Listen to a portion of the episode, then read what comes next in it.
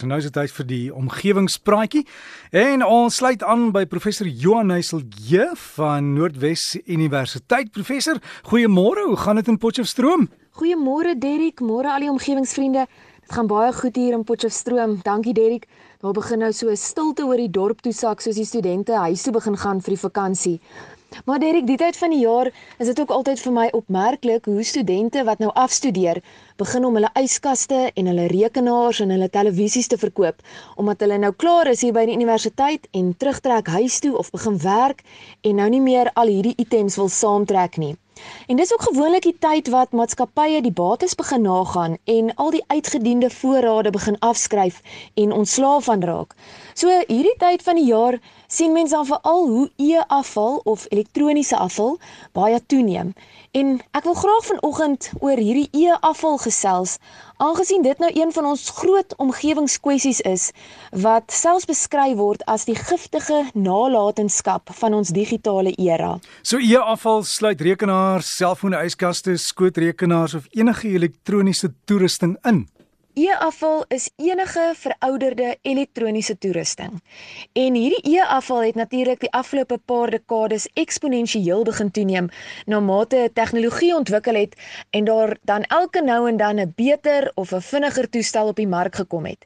As mens nou dink die eerste radioprogram is uitgesaai in Augustus 1920 in die FSA en toe die eerste TV-program in 1928 en dit was in 1973 wat die eerste selfoon bekend gestel is. Dan kan mense omtrent nie glo waar ons vandag trek nie en hoe hierdie tegnologie al verbeter het nie. En hoe hierdie elektroniese hulp, hulpmiddels 'n kardinale deel van ons lewe geword het wat baie duidelik is as mens sien hoe vreeslik omgekrap almal is met hierdie baie beerdkrag wat ons nou weer beleef, Dirk. Is heeltemal waar want mense is ook deesdae so afhanklik van dinge soos die internet en Wi-Fi om jou daaglikse werk te kan verrig. Daarom ook dat ons meer e-afval begin genereer.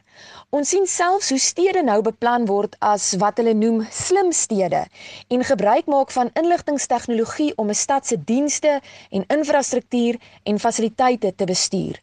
Nou hierdie slim stede word regtig gesien as die toekoms van ons stede omdat die tegnologie sal help om die vloei en die beweging van mense in stede te verbeter en dan sodoende 'n meer leefbare omgewing daar te stel. Nou volgens 'n onlangse verslag is dit beraam dat hierdie slim stede die gemiddelde stadsbewoner tot 3 werksweke per jaar sal spaar danksy hierdie verbeterde mobiliteit en beter gesondheidsorg en produktiwiteit. Maar In dieselfde asem met hierdie slim stede 'n hoë omgewingskoste in terme van die e-afval wat gegenereer word wanneer elke aspek van die stadslewe elektronies gemonitor en beheer word.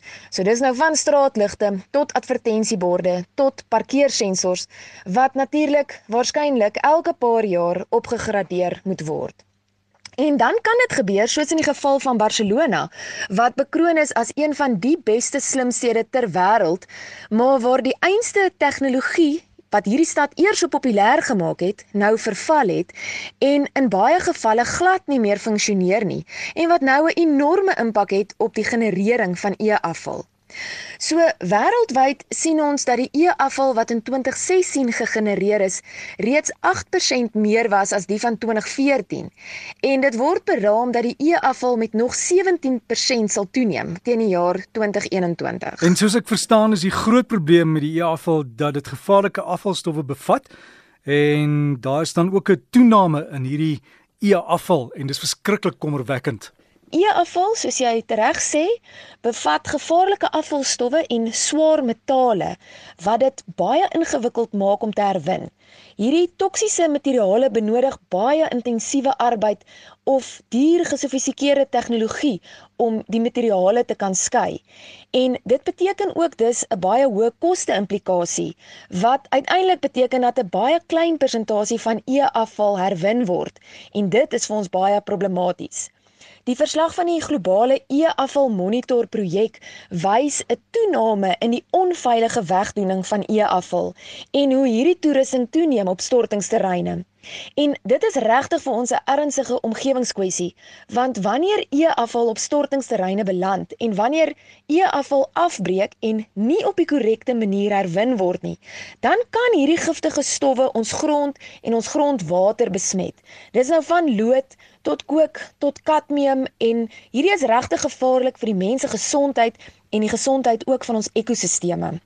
En daarom is dit krities belangrik dat ons ons e-afval verantwoordelik sal bestuur om hierdie verwante omgewings en die gesondheidsrisiko's te verminder. So wat kan ek doen as ek van my e-afval wil ontslaa raak? Derek, ons omgewingsvriende kan gerus gaan kyk op die webwerf van die E-afval Vereniging van Suid-Afrika, in kort E-WASA, wat die verantwoordelike bestuur van e-afval in Suid-Afrika reguleer.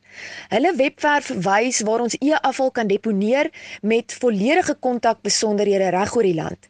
Hulle het ook 'n Facebook-blad genaamd E-Waste Association of South Africa wat ek ook met julle sal deel op ons omgewingspraatjies blad.